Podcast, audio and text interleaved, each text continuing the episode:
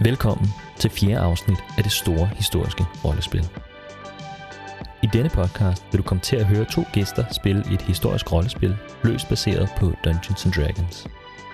Vores Dungeon Master, Malte, fører de to gæster igennem et scenarie, inspireret af en historisk virkelighed. Og undervejs vil deltagerne komme ud for nogle udfordringer, som de skal løse ved at slå med terninger, eller ved at snakke sig frem, eller ved at slås. Gæsterne har ingen forudgående viden om, hvad de skal igennem, og dialog og karaktertræk er improviseret ud fra den begrænsede viden, som deltagerne har om de fiktive karakterer, de optræder som. Rammen for spillet er en historisk virkelighed, som vi har forsøgt at genskabe så korrekt som muligt, men det, der sker i spillene, er fiktivt. Vi håber, at I kommer til at høre et sjovt spil Dungeons and Dragons, at I samtidig kan høre lidt om en spændende periode i historien. Lad os komme i gang.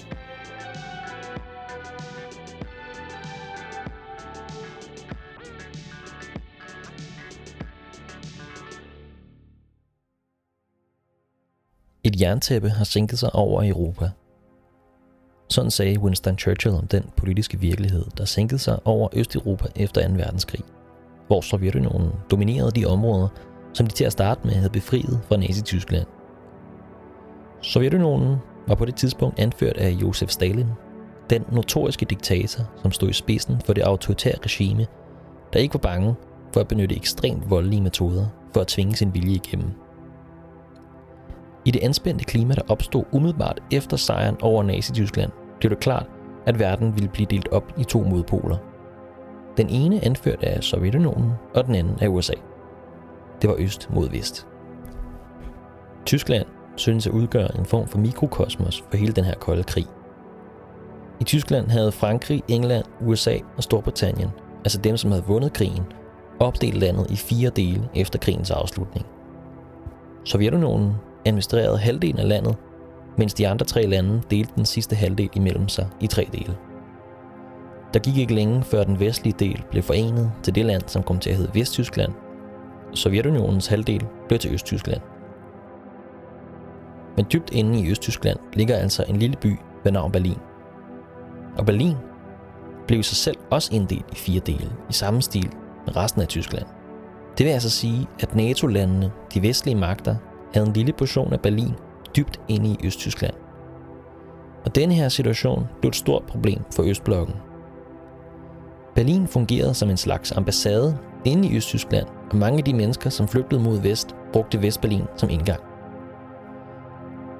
Og det var ikke så få, som heller ville bo i Vesttyskland.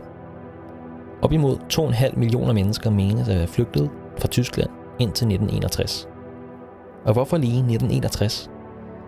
Fordi i 1961 opstillede Østtyskland under en venlig opfordring fra Sovjetunionens nye leder Khrushchev, nemlig hegn hele vejen ned gennem Tyskland og afskar vest fra øst.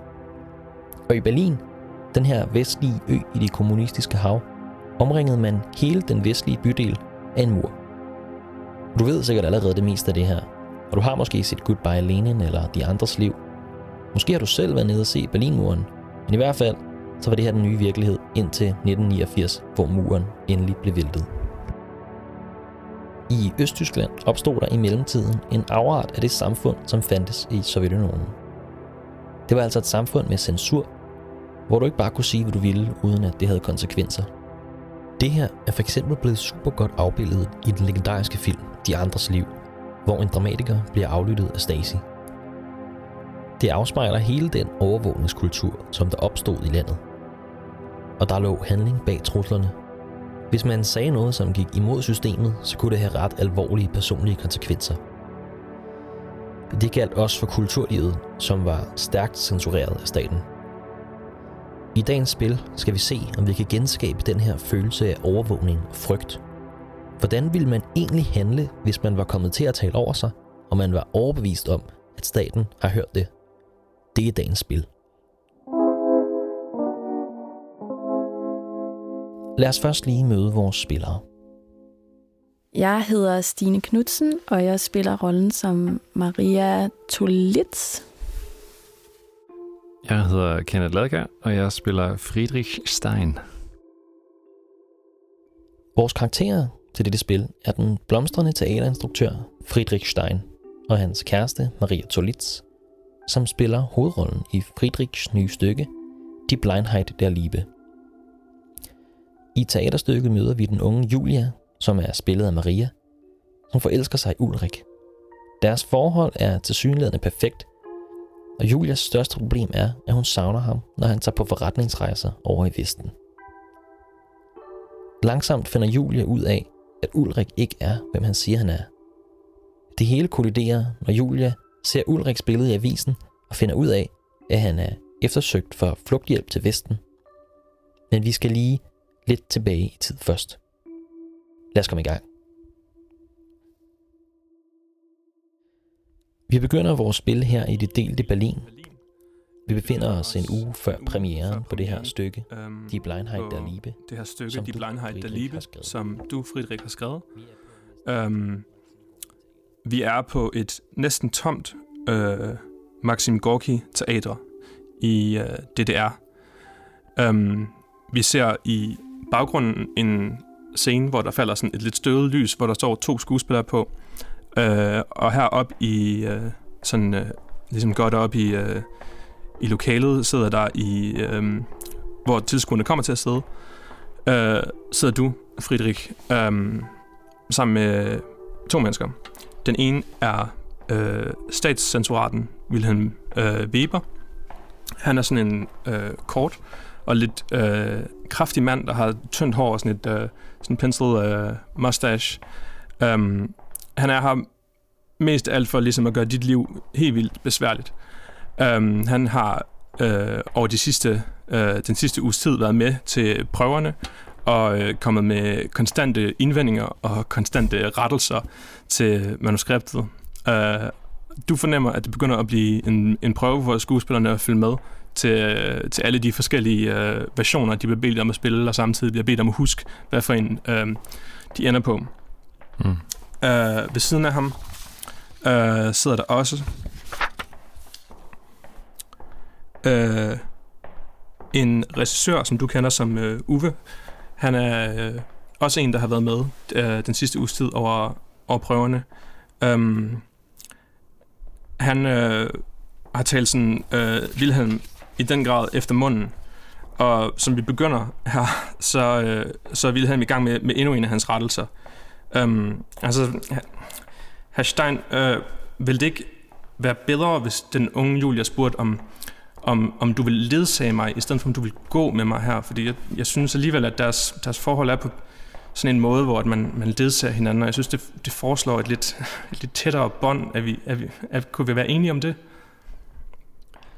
Så tror jeg sådan, jeg sidder lige sådan og, og rykker lidt sådan nervøst rundt i sædet og, og kigger ned på det der manuskript, jeg tænker, vi har øh, foran os. Øh, og så jeg lige har sådan rettelser, han har, han har sådan skrevet og rettet og sådan noget. Øh, så siger jeg, jo, altså, jo det, det kan man jo, men... Øh, Fantastisk. Så er det det, men, men, men jeg vil sige, altså lige, i, lige præcis her, så, så kunne det være fedt at, at, at holde ved den oprindelige idé, hvis det er okay.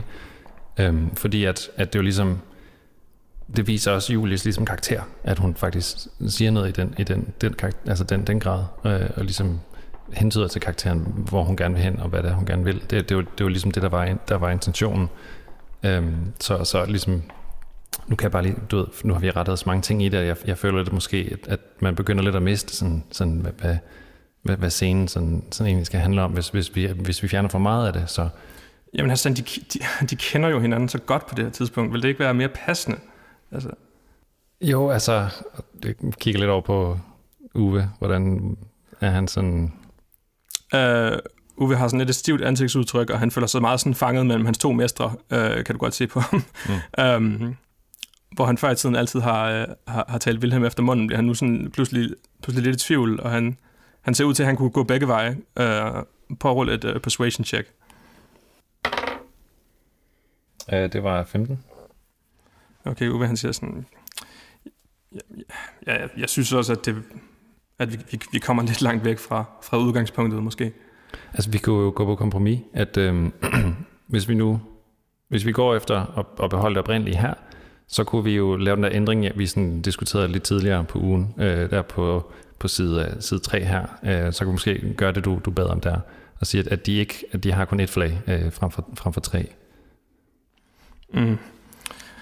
Jeg ved nu ikke, jeg, jeg begynder meget godt at kunne lide ja, dem, de tre flag. Godt, det synes, altså begge dele med, hvis, hvis det er. Det synes jeg egentlig også skal med. Men den næste uges tid forløber nogenlunde i, i samme dur. Um, og det er enormt stressfuldt for alle involverede. Uh, ikke mindst for jer to, der, uh, der så at sige, er temmelig investeret i, hvordan det, her, det kommer til at forløbe. Vi hopper en uge frem. Vi er på, uh, på premiereaften, hvor vi sidder inde i et øh, baglokale. Det er her første gang, vi ser øh, Maria, øh, som der er ved at få lagt sin makeup. I lokalet er du også, Frederik. Du sidder øh, nervøst og prøver at, øh, at læse en avis, hvor der på forsiden er et, øh, et billede af en, øh, en bil, hvor man ligesom kan tage fjerne det midterste sæde, og så kan man kravle om i bagagerummet. Du sådan, øh, opfatter, at det du kan med din koncentration, at det her det er sådan en historie om nogle flugthjælpere, der har smuglet folk i biler fra, fra øst til vest.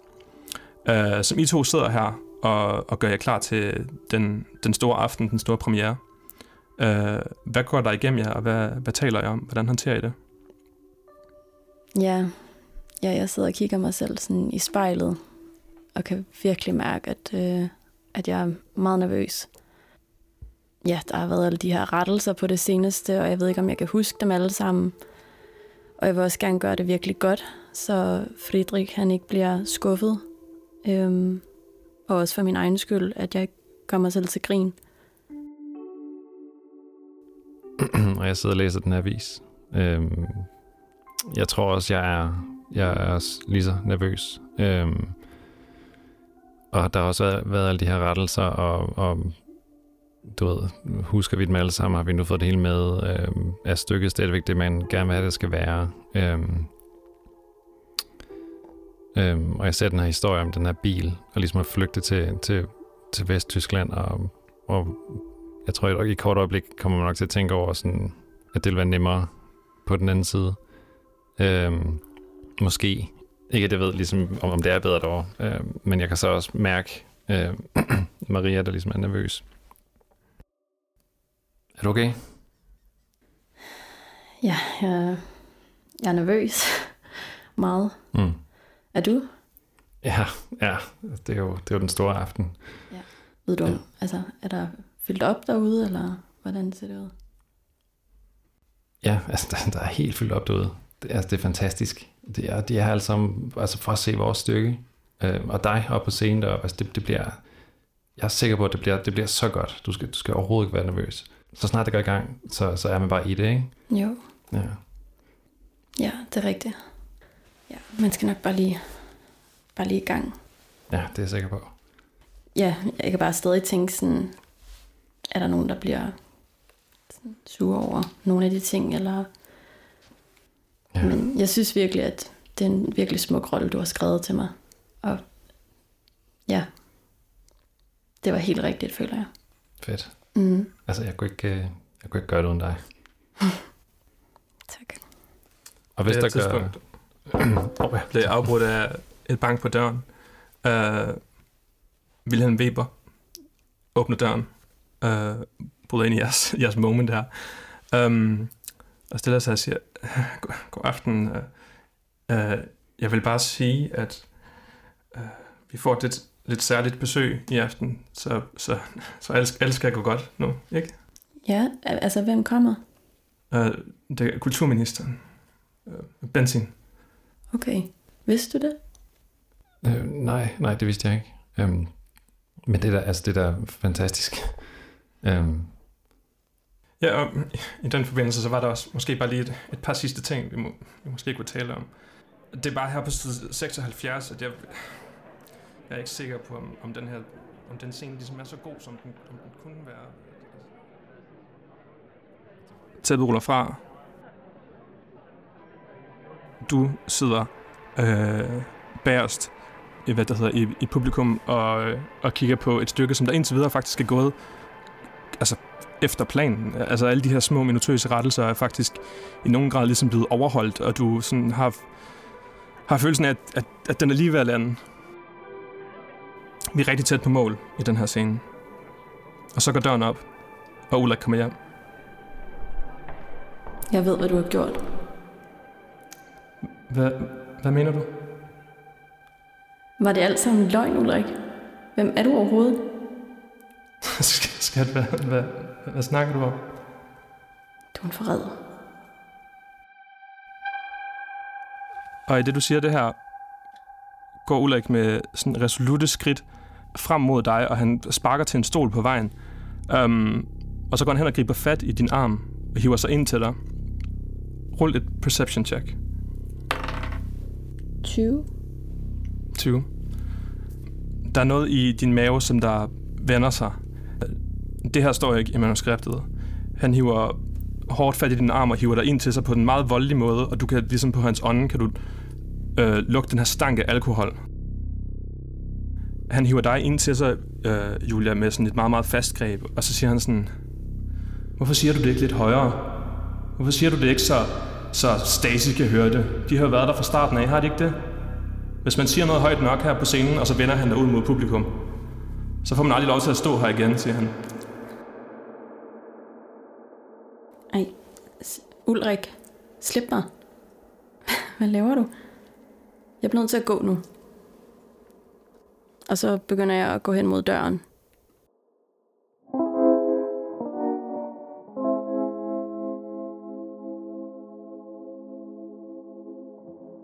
Det var aldrig en del af planen. Det var aldrig en del af planen, at Stasi skulle nævnes. Det var aldrig en del af planen, at man skulle sige noget om, at hvis man siger ting på en måde, så får man ikke lov til at stå på scenen. Det var, det, det var, det var ligesom det modsatte af alt det, som du har arbejdet med, med statscenturaten på de seneste to uger. Um, og lidt for hurtigt, så bliver det her tæppetrukket for. Og teaterstykket er givetvis slut. Uh, vi starter med dig, Julia. Hvad gør du, som du forlader scenen? Jeg panikker. Jeg tænker sådan, hvad, hvad laver han? Altså, måske vidste jeg godt lidt sådan, at han havde det lidt svært med alkohol og sådan noget, men det her, det havde jeg virkelig ikke set komme og gå fuldstændig off-script og ødelægge det her, og for mig at udstille mig på den måde. Jeg er sur, jeg er virkelig sur, og, og, øhm, og også lidt bange, og jeg, jeg har lyst til at finde Friedrich. Du kigger ud og ser øh, flere hundrede mennesker, der står, i, der står i en mængde. Det lykkes dig at spotte, Friedrich, øhm, og du kan måske fortælle lidt om, hvordan du ser ud, og hvad du er i gang med. Som, du har siddet sammen med Uwe, regissøren. Ja, okay. Men jeg tror, jeg, tror, jeg giver ham et, et nervøst blik først, når, når, det ligesom, når det sker på scenen, og at øh, Ulrik han gør, som man gør. Og så, så snart tæppet går for, så vil jeg nok sådan springe op og prøve at komme om bag scenen om til, om til Maria og, øh, og, og Ulrik og høre, hvad fanden det han laver. I finder hinanden om øh, backstage. Hvad kunne du tænke jer at gøre? Um, først vil jeg nok sådan, lige, altså, gribe fat i dig. Sådan, mm. er, er det okay? Øhm, ja, hvad, hvad, hvad, hvad fanden sker der? Hvad laver han?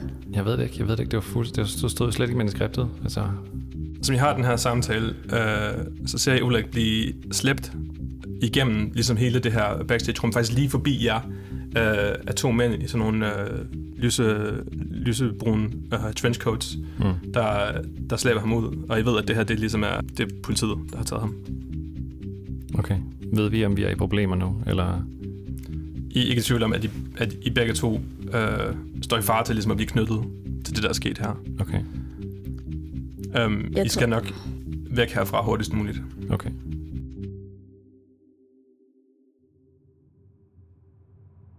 Det lykkedes jer måske ikke sådan ekstremt elegant, men ret hurtigt at, at, at få samlet de vigtigste af jeres, øh, af jeres sådan, øh, personlige ejendele, og I finder ud i den gyde om bag teateret, hvor at, øh, din bil holder, Frederik. Um, hvor kunne I tænke jer at køre hen? Kan vi køre hjem? Mm, de vil nok bare, ja. Ja. vil bare komme til os, ikke? Jo. Øhm, Ej, det er vildt, hva'? Altså, sådan på en aften. ja. Og det var vores chance der, ikke? Jo. Og nu, nu er vi på flugt. Ja. Er det måske er det dumt, vi flygter egentlig? Jeg ved det slet ikke, fordi... Vi har jo ikke gjort noget. Nej, så, så hvis vi flygter, så er vi vel bare mere mistænksomme ud. De, du kan jo vise dem i dit manus, at det var ikke det, du ved. Ja, du har ret. Hvad, hvad, vi burde måske bare gå ind igen og finde... Måske kan, vi, måske kan at finde ham der kultur... Nej. Øhm, Nå, hvis det er ham, der ligesom kunne, kunne gøre, at vi kom i problemer. Hvis han var sådan... Nå. Eller- Ja, nå ja. Ja, ham kender vi jo ikke. Nej. Ellers så skal vi sådan observere det på afstand, altså om der kommer nogen hjem til vores hus. Jamen er det ikke, er det ikke bare mere mistænksomt, hvis vi... Nu står vi herude ved en bil i, Jo. i jakker og alt muligt og sådan noget, og så... Måske burde vi bare gå ind igen og prøve at finde nogen at snakke med.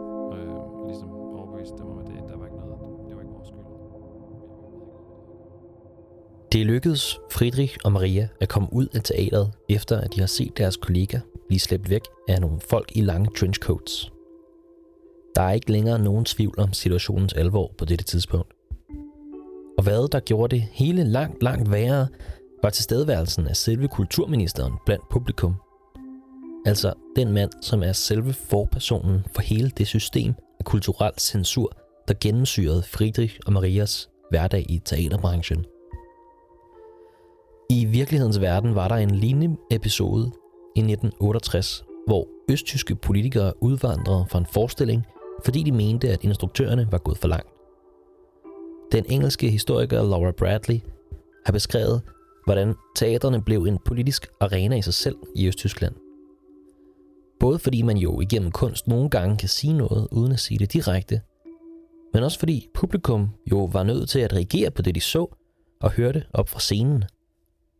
Hvis man som publikum lod det udspille sig, eller ligefrem klappede, var man så i virkeligheden med til at bryde censuren. Og hvis man gik eller udviste uenighed på en eller anden måde, var man så en sympatisør. Nogle teaterstykker overlevede kun lige indtil efter premieren, da offentligheden havde fået chancen for at reagere. Og så traf man en beslutning om, om det stykke måske alligevel var for kontroversielt til at kunne få lov til at fortsætte. I vores spil er der imidlertid ingen tvivl. Måske peger den stilhed, der opstod på, at publikum ikke ligefrem har valgt teaterstykkets side. Måske bliver det svært for spillerne at stole på deres kolleger nu, fordi de skal beskytte sig selv imod de konsekvenser, som hele den her episode vil få. Lad os lige vende tilbage til spillet. For nu har Maria og Friedrich besluttet sig for, at det bedste, de kan gøre, er at tage over til den efterfest, som alle teaterets ansatte skulle være til efter den store premiere. De blev enige om, at det alligevel var for farligt at tage hjem, fordi Stacy kunne finde på at vente på dem der, og måske er der nogle af deres venner fra teateret, som kan hjælpe dem. Ich bin ganz normal. Mir wackelt kein Kontakt. Doch wenn mich ein Vi Mädchen fortsætter til den her øh, kælderbar, som I har mødtes, med, mødtes på et par gange. Um, og da I kommer derhen, så ser I et par forskellige, der har været med til, med til opsætningen her. Uh, Uwe, som regissøren er her. Um, I ser også uh, lysmanden Clemens. I ser uh, en scenograf, der hedder Dirk. Uh, Uwe, han siger, Nå, hvad, hvad, hvad, hvad nu? Jeg tror bare, jeg slår bare ud med armene sådan, sådan opgivende, og så går jeg over til, til alkoholen. Uh, du kommer over til uh, Clemens, uh, den lidt ældre herre, som der har, har stået sådan manuelt og ført lyset inde, på, inde på teateret og fuldt, uh, fuldt skuespil, når de flyttede sig med spottet og så videre. Um, og han står og han uh, fikser dig en, uh, fikser dig en, uh, en, uh, en sådan lidt uh, lunken vodka Mm. um, i et stort glas, et ordentligt glas. Um, og giver den til dig og kigger spørgende på dig, Julia, inden han skænker en til. Ja, tak.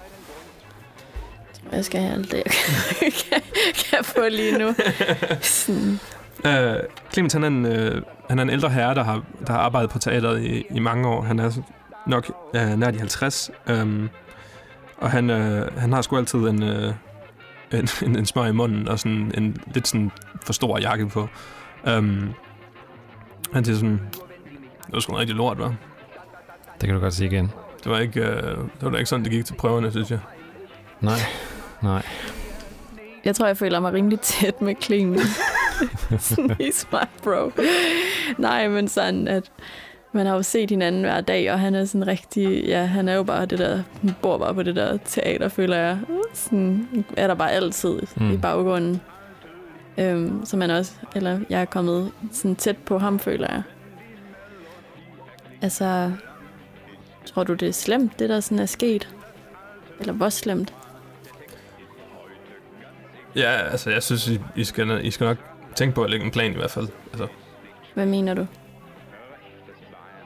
ja, altså, I vil ikke tænke at blive her efter det der.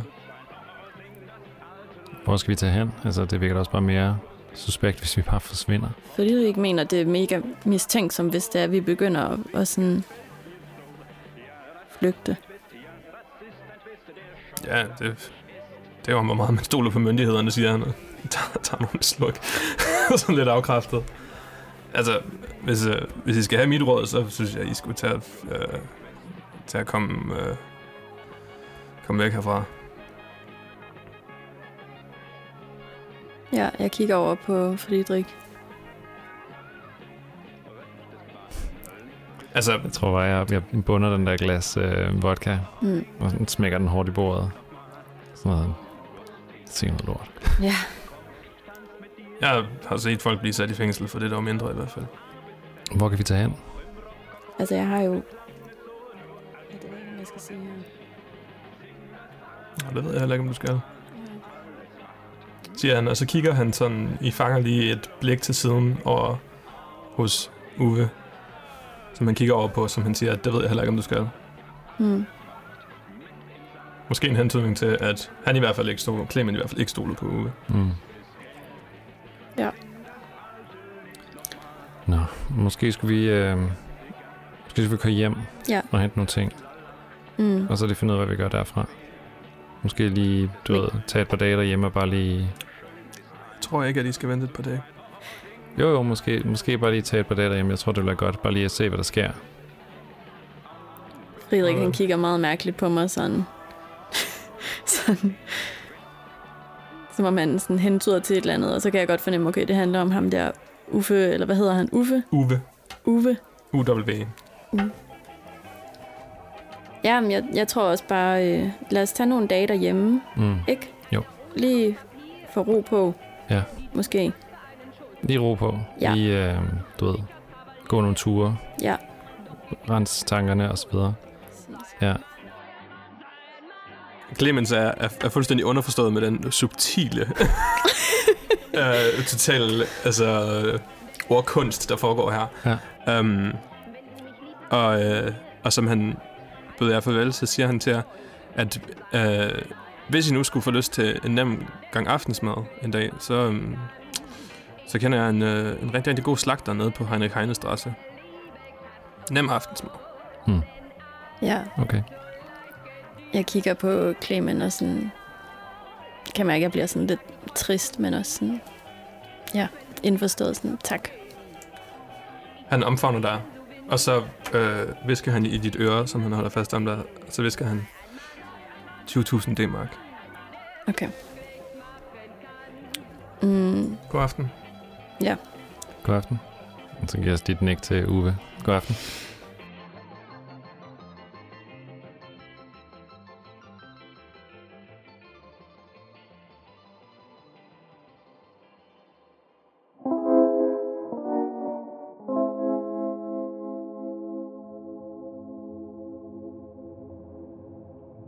I begiver jer ud i bilen igen, efter at have bundet en hel flaske vodka, eller en hel glas vodka. Um, men det her, det er 1961, så man kører bare. Ja, jeg er Øhm, kunstner, så... Ja, præcis. Mm. Præcis. Uh, og I kører hjem til jeres lejlighed, eller hvad er jeres plan? Inden vi kører, øh, kan jeg så lige, du ved, kigge ud over gaden og se, om man kan se de der trenchcoat mænd, der bare står sådan på en af gaden i stedet. Rul et uh, perception check. Nå, plus 5, så er det 14. 14. Uh, du ser ikke nogen uh, mænd i trenchcoats på gaden. Men du har stadig sådan en eller anden følelse af, at det nok ikke betyder, at de ikke er der. Mm. Men at, at den der paranoia, når den første er vækket, så har man i Østberlin hørt mange historier om, hvor, hvor dygtige og hvor diskrete Stacy kan være. Mm. Um, så du ser ikke nogen. Okay. Men lad os, øh, lad os som sagt lige bare komme hjem, ikke? Og Jo. lige falde ned, øh, og så tager vi den derfra. Det er, øh, vi må bare ligesom... Okay. Jeg sætter mig ind, og så øh, kører lige så stille sådan hen af mod, mod hjem. Øhm, og så kigger op på dig og siger, vi skal ikke hjem. Lad os gå ud til den adresse, som, som han, han nævnte for os med slagteren der. Nå, Jeg, jeg tror, der er et eller andet der, vi måske kan gemme os, eller sådan et eller andet der. Øhm, vi skal i hvert fald ikke hjem nu. Jeg tror, jeg tror det er en dårlig idé. Ej, det er jeg så glad for, at du siger. Okay. Ja, det skal, det skal nok gå der. Okay. Vi skal nok finde ud af det. Sådan, jeg tager Frideriks hånd, jeg tager din hånd, og sådan, Jeg skal lige skifte gear. Men jeg, Ja. så tager jeg den igen. Ja. og sådan, ja, vi skal, vi skal nok finde ud af det her. Ja. Men vi skal jo skaffe, vi skal skaffe tøj og mad og... først skal vi bare lige uh, sørge for, at vi er i sikkerhed. Um, Han sagde noget til mig, øh, Clemen, Ja. ja. da vi gik ud, da han krammede mig, så var han sådan... Ej, jeg er virkelig fuld lige nu, men sådan... Jeg tror, altså, det var et beløb, og det, det var, jeg tror, det var 20 20.000, eller to... Jeg tror altså, det var 20.000. 20.000. 20.000. Øhm, Hvad mener han med det? altså, at det var det, det kostede. For, noget, for den, der slagter måske? Nej, Frederik, oh my god. Vi er jo nødt til at flygte. Det, det, det kan du godt se. Vi kan jo ikke blive her. Nu, altså, nu bliver vi jo en af dem. Mm. Vi har ikke så mange penge på os, vel? Ikke i kontanter, nej. Nej. Øh, men I kunne nok skrabe noget lignende sammen, altså hvis I kunne tage banken. Mm. Men det er mange penge. Det vil være at tømme begge jeres konti. Altså, Men det skal vi. Skal vi tømme vores, altså alle vores penge Ja. på det her? Selvfølgelig. Ikke? Jo, jo. Skal vi, skal vi først gå ud til den der slagter og se, hvad det er? Eller skal vi bare, måske skal vi bare tage vores penge nu? Så har vi dem. Ja, fordi det er vel ved slagteren, at der så er nogen. Og jeg ved heller ikke, altså jeg ved slet ikke, hvordan det her fungerer. Sådan, går man bare derud og siger, hej, må jeg få et lift? Eller, Jeg ved ikke, hvordan man flygter. altså hvad, Lad os tage ud til den der slagter så. Og så bare, bare lige se, hvad det er. Um, for at overnatte dig? Vi ved ikke, hvad det er. Altså, han, han sagde en slagter, men det kan godt være, det er, et, at okay. det er en adresse på nogen, noget andet. Ja. Um, det er det eneste, vi har. Du har ret. Okay. Okay.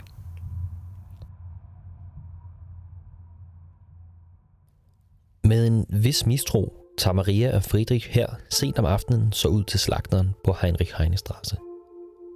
Det var et sært tip, de fik af lysmanden Clemens, men hvis han har ret, så kan det være deres vej ud af den her farlige situation. Men hvis han prøver at snyde dem, eller hvis Stacy er på sporet af, hvad de har gang i, så kan det også ende helt galt for det unge par. Og selv hvis slagteren kan hjælpe dem ud af landet, sådan som Clemens synes at lade vores spillere forstå, ja, så er det stadig meget risikabelt. Over 1000 mennesker døde i forsøget på at flygte fra Østberlin, og vi ved faktisk ikke, hvor mange der prøvede. Altså, hvor mange det lykkedes for, og hvor mange der derimod forsvandt efter at være blevet snuppet af Stacy. Men vi ved i dag, at Stacy var overraskende gode til at opdage flugtforsøg, og bremsede langt størstedelen af alle, der forsøgte at komme ud. Det er til dels et resultat af, at Berlinmuren faktisk var meget mere end en mur. På Østberlins siden var der opstillet flere lag af pigtrådshegn, og der var et ingenmandsland mellem hegnet og muren, som var oplyst af store lygter, og hvor vagterne havde frit lejde til at skyde alle, de fik øje på. Men det er altså her, vi efterlader vores spillere for nu.